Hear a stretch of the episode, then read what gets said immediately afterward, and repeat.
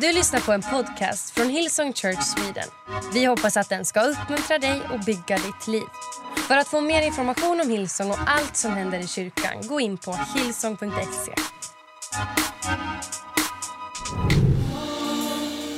Jesus, jag ber att du skulle tala till oss här ikväll. Jag ber att ditt ord skulle ge liv till varje person som är här idag. Att du skulle ge oss uppenbarelse. Herre, jag ber för människor här ikväll som ska få någonting som de har längtat efter. Här är människor som, ska, som du ska öppna ögonen på, Herre Jesus. Här är människor som har bett böner, de har slutat be, Herre. Människor som är på väg att ge upp, Herre. Människor som är på väg att tappa taget. Människor som är på väg att tro att det inte kommer ske, Herre. Herre, jag ber låt din heligande verka i våra hjärtan här ikväll. Vi välkomnar dig heligande. Vi välkomnar din närvaro. Vi uppskattar att du är här. Vi hedrar dig.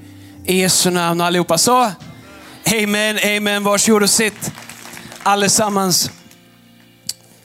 Och grymt. Ah, Stockholm city. Jag hörde att det var grymt här förra veckan. Vanessa predikade tror jag förra veckan. Var Erik förra veckan? All right. well, jag hörde att det var bättre än Vanessa predikade. Det måste varit veckan innan. Nej, jag skojar. Jag är så tacksam för våra team, alla som predikar. Ehm, och eh, Det är helt fantastiskt. Ehm, tänk att eh, vi får samlas så här på det här sättet. Eh, alla som är med och tjänar och använder sina gåvor på olika sätt. Då. Jag ska hoppa in i dagens predikan.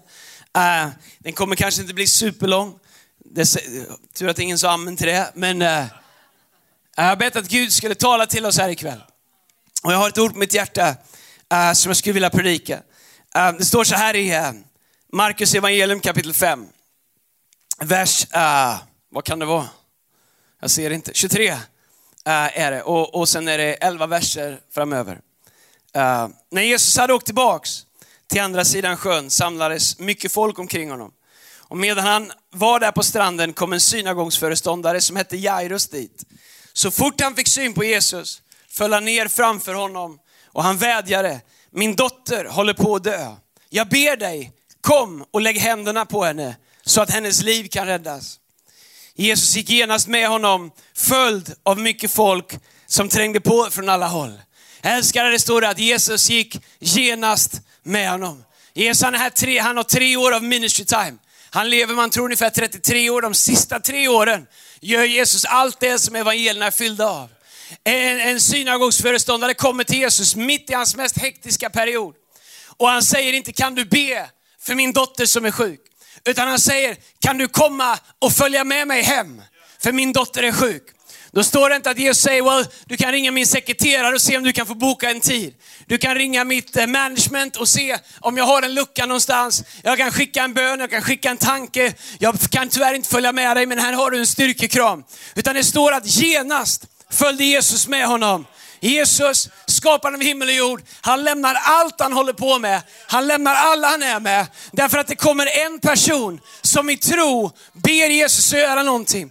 Bibeln säger att Jesus är densamma igår, idag och i all evighet. Och om Jesus lämnar allt han håller på med, därför att det kommer en synagogsföreståndare som egentligen inte tror på honom som Messias och ber honom för att de har sett att Jesus gör saker som ingen annan har gjort. Och säger Jesus, snälla kan du följa med mig? Det är inte så att de hoppar in i en Uber och liksom åker dit, utan de går dit. Men det står att genast lämnade Jesus och följde med honom dit.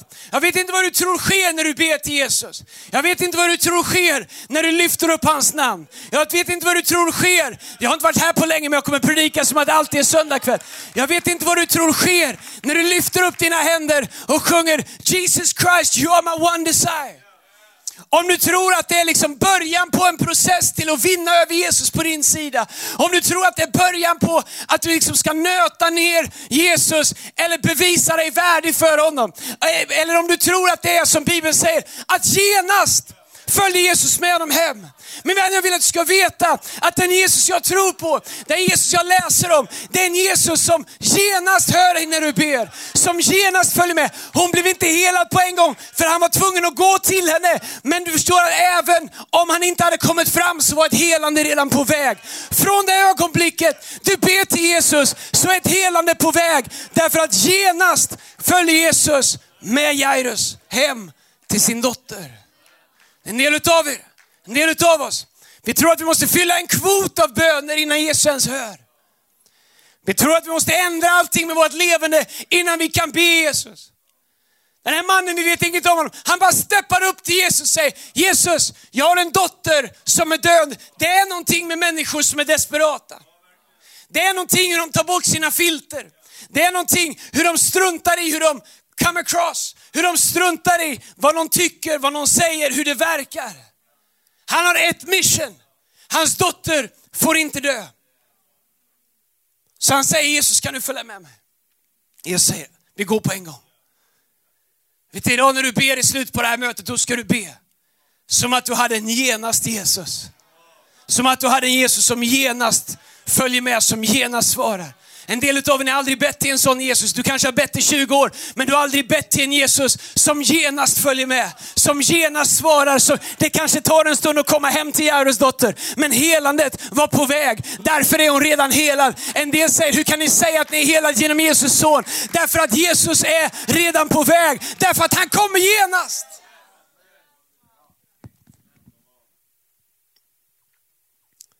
Följd av mycket folk som trängde på från alla håll. Det är inte sant, det är alltid massa folk runt Jesus som inte förstår det Jairus förstod. Att om jag bara ber Jesus så kan han göra någonting. De som tittar på, de som undrar vad som händer, de som inte fattar varför Jesus går med Jairus, de som inte fattar varför Jairus kommer till Jesus. Om du fäster din blick på crowden så kommer du aldrig fatta vad det är Jesus egentligen gör. Vers 25. Det fanns också en kvinna som under 12 års tid lidit av blödningar. Hon hade, eh, hon, hon var, hade en blodsjukdom som gjorde att hon skulle dö. Hon hade plågats mycket och behandlats av många läkare. Men trots att hon gjort slut på allt hon ägde hade hon inte blivit bättre utan snarare sämre. Nu hade hon hört talas om Jesus och trängde sig fram bakom honom i folksamlingen och rörde vid hans mantel. För hon sa, samma tro som Jairus, om jag bara får röra vid hans kläder så kommer jag att bli frisk. Och så snart hon rört vid honom stannade blödningen och hon kände att hon var befriad från sitt lidande. Jesus märkte genast att det hade gått ut kraft ifrån honom. Och han vände sig om och frågade, vem rörde vid mina kläder? Hans lärjungar, alltså de som bara följde med. De som bara tittade på. De som var en meter från honom men ändå inte förstod. Hans lärjungar sa till honom, folk tränger ju på från alla håll. Självklart måste någon ha rört vid dig. Men Jesus såg sig omkring för att få reda på vem som hade gjort det. Kvinnan blev förskräckt eftersom hon visste vad som hade hänt med henne. Men hon kom darrande fram och föll ner för Jesus och berättade hur allt hade gått till. Då sa Jesus till henne, min dotter. Du ska veta att det är stort i den kulturen. Att kalla henne min dotter. Han har precis kallat någon för en dotter som har krälat fram på marken. Han har precis kallat någon för en dotter som män har försökt att trampa på för att hon är i vägen. Hon har precis, han har precis kallat någon för en dotter som på en dammig väg, grusig väg, har krigat sig fram på alla fyra med den sista kraften hon har. Utan att en enda man, det var mest män runt omkring där, har flyttat på sig så att hon kommer fram. Anledningen att hon rörde vid hörntofsen var inte att det var något specifikt vid hörntofsen. Det var förmodligen att all kraft hon hade räckte bara till, till att krypa. Men när hon är där på alla fyra och krälar i stoften så säger Jesus, min dotter, det är liksom inte bara som att säga bro. What up bro? What up sis? Att säga dotter till någon i den kontexten, det är att ge någon dess ultimata värde. Jesus han säger någonting som är helt cross culture, som är helt emot kulturen, som är helt emot alla, alla liksom samhällsordningar, som är helt emot allt liksom, alla lager av förtryck som finns inte minst för kvinnor. Om du undrar vad Jesus tycker om tjejer och kvinnor så kan du läsa det här. För när han säger min dotter så säger han till omgivningen, ni behandlar henne som att hon vore min. Ni tittar på henne som att hon vore min. Ni flyttar på er som att hon vore min. Han säger inte bara kvinna eller, eller tjej eller sis, han säger min dotter. Hur kan hon vara hans dotter? Hon har inte bett om förlåtelse. Hon har inte bett om att få bli ett Guds barn. Jesus ger henne värdighet innan han vet vad hon heter. Han ger henne värdighet innan han har hört hennes story. Han säger att hon är accepterad, upprättad, värderad innan han vet ens vem hon är. Varför? Därför att hon har samma tro som Jairus. De, mycket folk trängde på och följde med runt omkring. De fattar fortfarande ingenting. Det var ingen där som sa dotter. Petrus sa inte dotter, fariséerna sa inte dotter. De tyckte mest hon var i vägen. De sa alla tränger på. Bryr dig inte om de där som krälar omkring här och försöker dra dig i hörntofsarna. Jesus, håll dig till oss, prata med oss, håll ögonen här uppe. Bryr dig inte om de där low level som är där nere. Men Jesus han pausar och han säger hon är en dotter, you better stand her up. Så du måste förstå vilken Jesus Bibeln pratar om. Som alltid ger värde till människor. Han sa Jesus till henne, min dotter din tro har gjort dig frisk, gå i frid, bli helad från ditt lidande. Jag ska egentligen inte predika om vare sig Jairus eller hans dotter eller om kvinnan med blödarsjuka. Utan jag ska predika om whatever it takes. Men när vi läser storyn om den här kvinnan så ser vi att hon kom dit andra inte tyckte att hon skulle vara. Här är vad religion alltid kommer göra. Det kommer säga till dig, du borde inte vara där. Du är inte tillräckligt bra. Det är inte din tur. Du kan inte be en sån bön. Du kan inte hoppas så mycket på Gud. Du borde inte göra det där. Hon hade varit hos alla andra läkare. Hon hade varit hos människor som sa, ge mig dina pengar, jag kommer göra dig frisk. Men de gjorde inte henne frisk, de tog bara hennes pengar. Hon hade varit hos häxdoktorer som sa, ät det här, drick det här, tugga på den här grodan, drick det här ormgiftet, gör det här. Säg de här besvärjelserna så kommer du bli frisk. Hon hade provat allting säger Bibeln. Men hon hade bara blivit sämre. Hon hade anledning att vara bitter, anledning att vara besviken. Livet hade träffat henne. Det hade inte gått hennes väg. Kanske hade andra blivit helade, men hon hade inte blivit helad. Men det är någonting med henne. Hon kom dit, andra inte tyckte att hon skulle vara. Lärjungarna försökte förminska henne genom att säga att Jesus, alla rör vid dig. Men Jesus är annorlunda människor och det religiösa systemet på den tiden och det kulturella systemet på den tiden sa, hon ska vara hemma. Hon ska inte vara här. Tack gode Gud att det är annorlunda nu. Du förstår, det var det här som Jesus kom för att riva ner. Han säger jag ska ge er en ny himmel, han säger jag ska ge er ett nytt rike, ett annorlunda rike. Det är därför han säger dotter inför alla de här männen som tycker att de är mer. Det religiösa systemet sa att hon hör inte dit. Hon är på en plats hon inte borde vara. Hon gör saker hon inte borde göra. Men det är någonting med tro som struntar fullständigt i vad majoriteten säger, som struntar fullständigt i om tysta överenskommelser, om vad som är normalt, om vad som är rimligt, om vad som borde vara, om vad som är accepterat, om hur det borde kännas, hur det borde vara. Du förstår, när man är sjuk så är man sjuk. Och har man varit sjuk tillräckligt länge och provat allting annat och bara har kvar att dö, då kanske man är redo att prova han som säger att jag är uppståndelsen och livet, den som tror på mig ska leva, även om man dör. Du förstår, antingen så låter du dig definieras av omgivningen. Eller så sätter du din tro på att Jesus är den han säger att hon är. Det är någonting med hennes desperation efter Jesus som gjorde att hon kom fast hon inte var kvalificerad. Det är någonting med hennes desperation efter Jesus som gör att hon inte bryr sig om andras åsikter. Varför är det enklare att bry sig om de som inte kan hjälpa oss? In life. Varför är det enklare att bry sig om vad de tycker som aldrig, som inte kan göra oss hela? Som inte kan sätta oss fria? Som inte kan öppna en ny och levande väg för oss? Varför lever vi liv där vi låter dem som ändå inte kan göra det för oss, som vi djupast sett längtar efter, definiera vart vi får vara, vad vi inte får vara, vad vi borde göra, vad vi borde tycka, hur vi borde bete oss. Du förstår, det är enklare att bry sig om vad de tycker som inte kan hjälpa oss.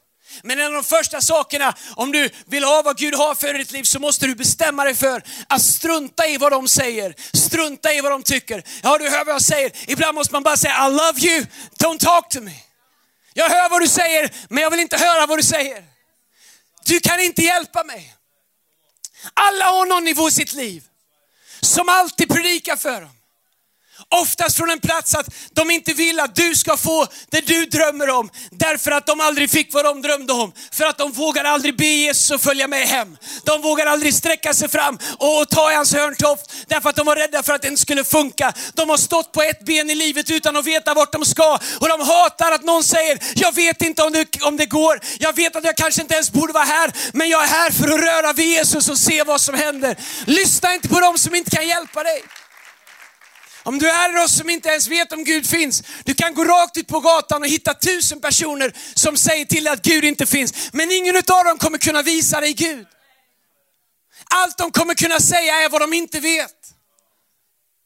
Om du har en dröm, om du har en kallelse, vilket du har, Bibeln säger att ditt liv har ett destiny, ett purpose. Ändå så lever vi som du vet så här, någon slags blindbock eller du vet så här, ryska post, eller ryska post, inte rysk, men du vet så här som någon slags ung crowd. Men ändå så lever vi som att du vet så här, vi går undan blinda och vi får se vad livet blir. Ni ser att han har skapat dig med ett syfte.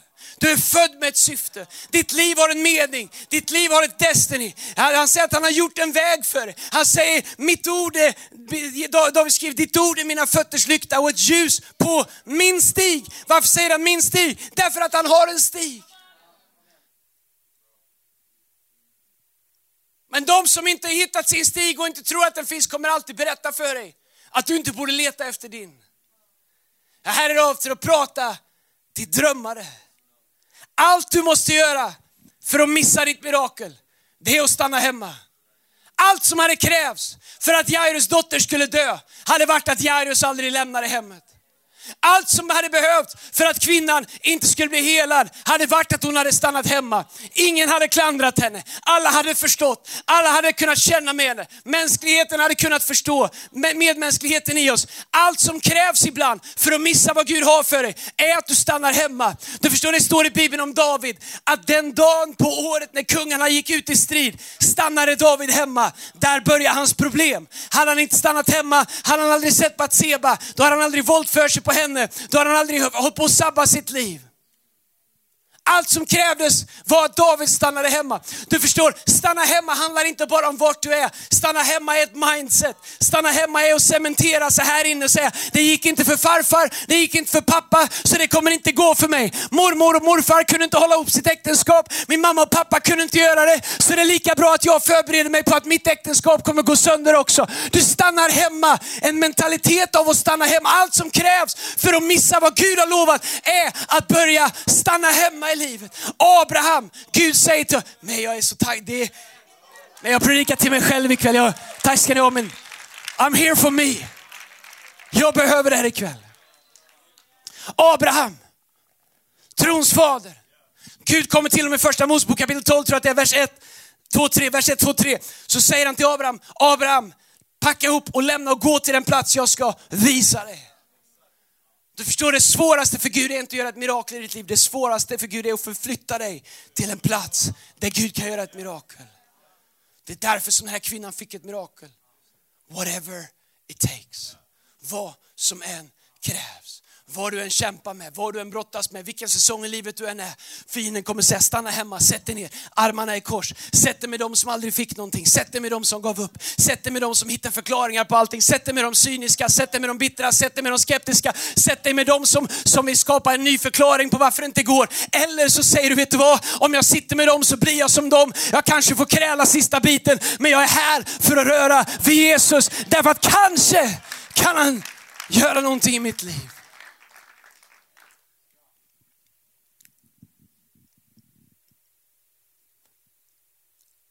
Om du vill vara hemma kommer du hitta tusen bra orsaker och fienden kommer ge dig tiotusen bra anledningar som makes sense. Men ingen av dem kommer ge dig ett mirakel. Det andra jag ser i den här texten, det är att hon blockerar alla negativa nej-sägare som tyckte att hon inte borde vara där. Kan jag få säga så här, var noga med vad du har på dig när du predikar.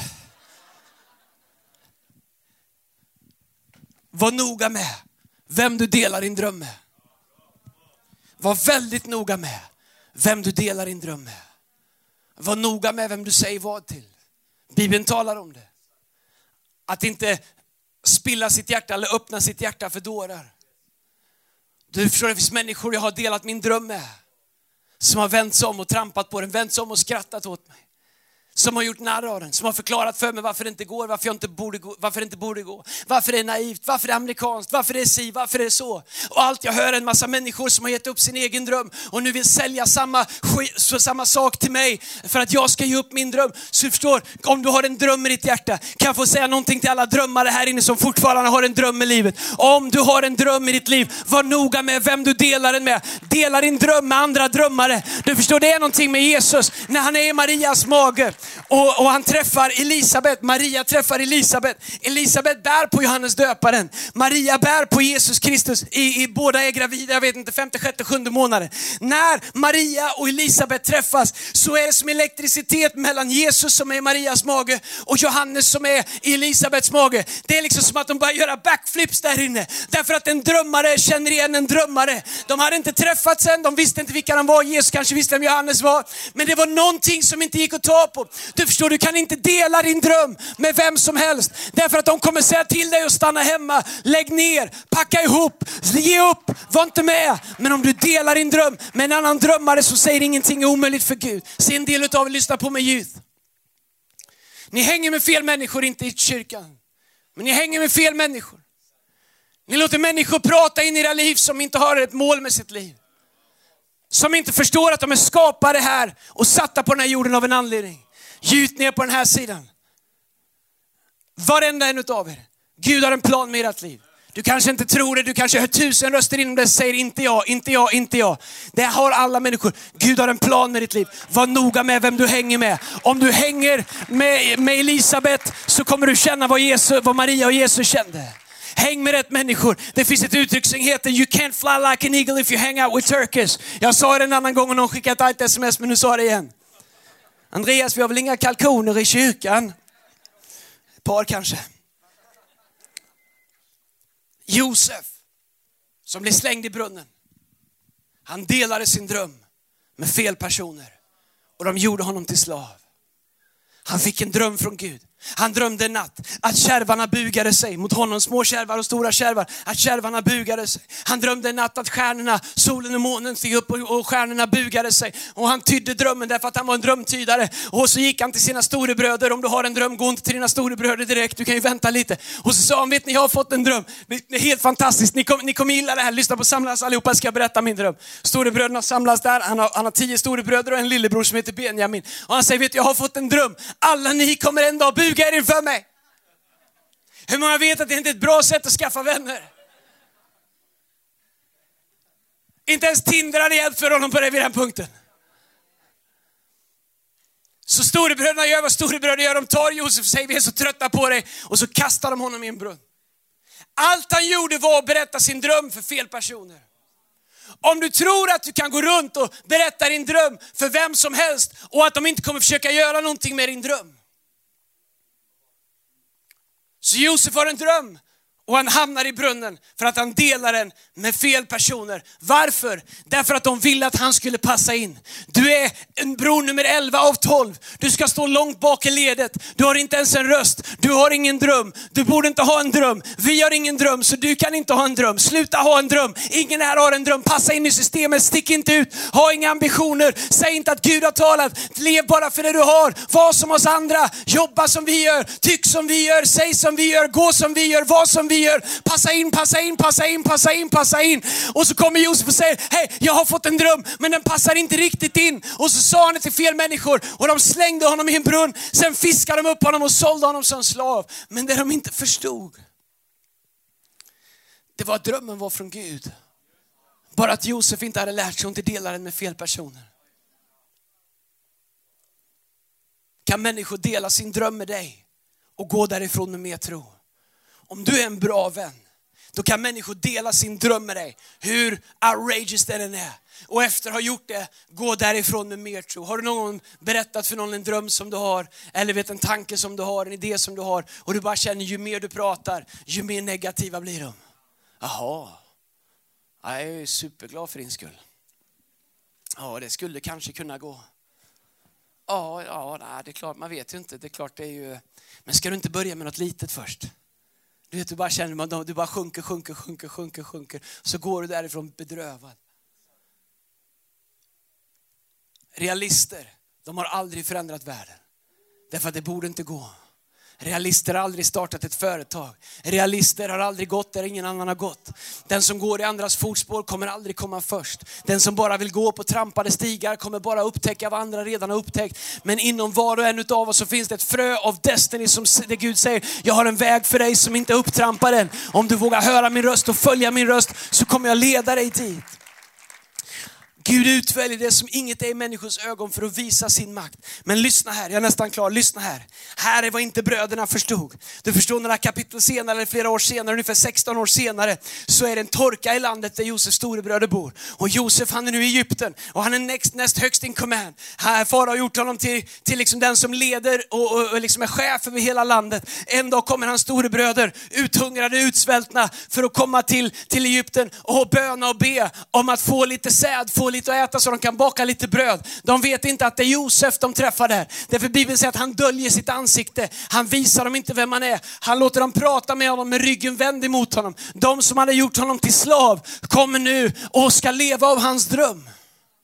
Men du förstår, det här är så god Gud är. Det är därför Gud reser upp drömmare. Gud, han lät Josef få en dröm som, och, lät, och Josef fick gå igenom saker och ting för att Josef skulle hamna i en position 16 år senare för att kunna vara en välsignelse för dem som hade kastat honom i brunnen. Du förstår, Guds endgame var fortfarande kärlek, var fortfarande välsignelse, var fortfarande omsorg. Men du förstår, om du har en dröm, om du har någonting på insidan, om du har ett behov, då måste du vara beredd att hamna i brunnen ibland att bli uppfiskad och tro att nu blir det bättre. Men du blev bara en slav. Du hamnade bara i Puttifars hus. Du gjorde ditt bästa, du menade väl. Men du blev felaktigt anklagad så du hamnade i fängelse. Men du fortsatte ändå betjäna människor. Du vägrade bli cynisk, du vägrade bli bitter. Du vägrade ändra dina värderingar. Du vägrade göra om ditt liv. Du fortsatte tjäna Gud med glädje. Och en dag så öppnar Gud en dörr som ingen människa kan stänga. Inte bara för att du ska säga, haha vad var det jag sa? Utan för att du ska kunna välsigna dem som aldrig förstod förstod din dröm. Det är det som är skillnaden på en Guds dröm och på en egen grandios dröm. Guds drömmar handlar alltid om mer än dig. Guds drömmar handlar alltid om att vi blir ett verktyg för andra människors välsignelse. Om din dröm bara handlar om dig så är den för liten. Om din dröm bara handlar om din success så har du drömt alldeles för lite. Det tredje jag ser i berättelsen om kvinnan är att hon fortsatte genom all turbulens, allt brus, allt damm. Det måste ha knastrat i hennes tänder när hon kröp fram på den nedtrampade grusmarken. Det måste varit vidrigt när hon försökte ta sig emellan. Fötter som hade gått i öppna sandaler i dagar och veckor kanske utan att vara tvättade. Hennes värdighet, allt hon bar på allt hon var, allt hon en gång hade varit. Men hon bestämde sig för att fortsätta genom turbulensen, genom bruset. Du förstår, ibland så måste man göra det. Jag kan ha gjort den här liknelsen tidigare, men när jag flyger så har jag ett par hörlurar med noise cancellation. Jag älskar dem. Min allra bästa är, är, är peltokåpor. De är ännu större. Man ser, man ser inte klok ut i dem. Eller man ser, jag tycker de är grymma, men min fru tycker inte det. De här, brusreducerande. Förstår du, om du ska ha en dröm i livet, om du ska göra någonting med ditt liv, då måste du lära dig när det är dags och bara sätta på de här. Jag hör ingenting, ni får säga men hur högt ni vill, jag hör det inte ändå. Sätta på noise cancellation och bara säga, låt dem säga vad de vill. Låt dem säga att det inte går. Låt dem säga att det är omöjligt. Låt dem säga att jag inte borde. Låt dem säga att jag är från fel familj. Låt dem säga att jag har gjort för mycket fel i det förflutna. Låt dem säga att jag har för liten tro. Låt dem säga att jag inte är rätt person. Låt dem säga att jag inte borde. Låt dem säga att det finns tio bröder före mig som borde få chansen först. Men du förstår, med dina Holy Ghost noise cancellation-lurar så kan du bara säga, vet du vad? Jag ser att ni pratar men jag hör inte vad ni säger. Jag ser att munnen rör sig men jag hör ingenting. Allt jag hör är trumman som jag marscherar till av den dröm som Gud har lagt i mitt hjärta. Se en del utav er, ni går bara runt och lyssnar på allting. Vad sa du nu? Kan det vara så? Kanske inte. Ni läser vad de skriver på Instagram, ni läser vad de skriver på Snap, ni läser vad de skriver på Facebook och ni tror på vad de säger. Ni tror att det inte går. Ni sitter som en foliehatt och undrar vad alla andra tycker istället för att sätta på er hörlurarna och säga, Gud det enda jag vill höra är min inre röst. Vad du säger, för det du säger, det kommer bestå för evigt. Lyssna här vad Hebreerbrevet skriver. Hebreerbrevet 12, vers 2. Lyssna, kan jag bara få säga det här. Låt inte de som inte är villiga att gå med dig hela vägen få en röst i ditt liv. När Jairus kom till Jesus, det här kan jag göra en annan predikan om, när Jairus kom till Jesus så sa han Jesus följ med mig. Genast gick Jesus. Låt aldrig någon ge dig råd som inte är beredd att följa med dig. Som inte är beredd att gå med dig hela vägen. Som inte är beredd att säga, vet du vad? Jag tror att du kan och jag backar dig hela vägen. Ge inte röst till människor som bara säger någonting och stannar kvar och låter dig gå själv. Så i Hebreerbrevet 12, vers 2, medan lovsångsteamet kommer upp. Lyssna. Eller gör sig redo i alla fall. Titta på mig. Och låt oss ha, förlåt, och låt oss ha blicken fäst på Jesus. Trons upphovsman och fullkomnare. För att nå den glädjen som låg framför honom uthärdade han korset. Utan att bry sig om skammen och han sitter nu på högra sidan om Guds tron. Författaren till Hebreerbrevet, vem vi nu tror att det är, Petrus, Paulus, Lukas, det finns olika åsikter om vem det är. Han, han, skriver så här, låt oss ha blicken fäst på Jesus. Har, har du tänkt på att det är en sak att bara titta, men en helt annan sak att ha blicken fäst. Jag pratade i morse om skillnaden på att bara höra eller att vända sitt öra till något som sägs. Så författaren han skriver, håll blicken fäst på Jesus. Vi kanske bara tänker, vad menar han med det? Men du förstår att om han talar till den här kontexten, de kunde gamla testamentet. De hade vuxit upp med tårar, de kunde de hade memorerat första, andra, tredje, fjärde, femte Mosebok innan innan de fyllde tolv. De visste vad det här ordet betyder, fest. Det kommer ifrån ett ögonblick ute i öknen när människor var sjuka och Gud sa till Mose, sätt upp en kopparorm på en pinne, håll upp en kopparorm och alla som fäste sin blick, inte bara titta till den, alla som engelska säger look steadily, alla som fäste sin blick på kopparormen kommer bli helade. Det är det författaren skriver här, ha blicken fäst på Jesus. Det är en sak att bara titta, det är en annan sak att ha blicken fäst på Jesus. Därför att det kommer komma saker från vänster, från höger, inifrån, uppifrån, underifrån som kommer förvirra dig, som kommer försöka att för, liksom, för, förringa dig, som kommer försöka få dig att tro att det inte går. Det är då du måste lära dig. Som kvinnan, kanske när hon var 20 meter bort och hon såg att Jesus rörde sig där. När hon kravlade sig fram så kanske hon höll blicken uppe, höll blicken fäst på Jesus. Och hon sa, jag är nära nu, jag är bara 20 meter bort. Jag orkar inte mycket till, men jag bara ska, man måste ta mig en meter till. Så kröp hon en meter till utan att titta ner, utan att titta åt sidan. Med blicken fäst på Jesus. Och sista biten så tänkte hon, nu är jag så nära så att om jag bara kastar mig sista biten, jag orkar inte mer, men om jag bara faller framåt kanske jag kan få tag i det längst ner, längst hitåt i hans, i hans, i hans kropp, hans hörntofs. Hon tog inte hörntofsen för den var helig. Hon tog inte hörntofsen för den var speciell. Det var allt hon nådde när hon tog sig fram med blicken fäst på Jesus Jesus. Min vän, en del av er, ni har tappat vägen för ni har slutat ha blicken fäst på Jesus. För ni lät andra människor säga saker. Ni börjar läsa andra saker än Bibeln. Ni börjar sluta med att gå i Connect-gruppen. Ni börjar sluta vara med i team. Ni börjar sluta gå på gudstjänst. Ja, det kanske finns alla möjliga anledningar. Men Gud har lagt en dröm i ditt hjärta. Och jag är här idag för att säga att om du fäster din blick på Jesus Kristus, come on teamet. Om du fäster din blick på Jesus Kristus så är han en Jesus säger, om du vill någonting, genast går jag med dig.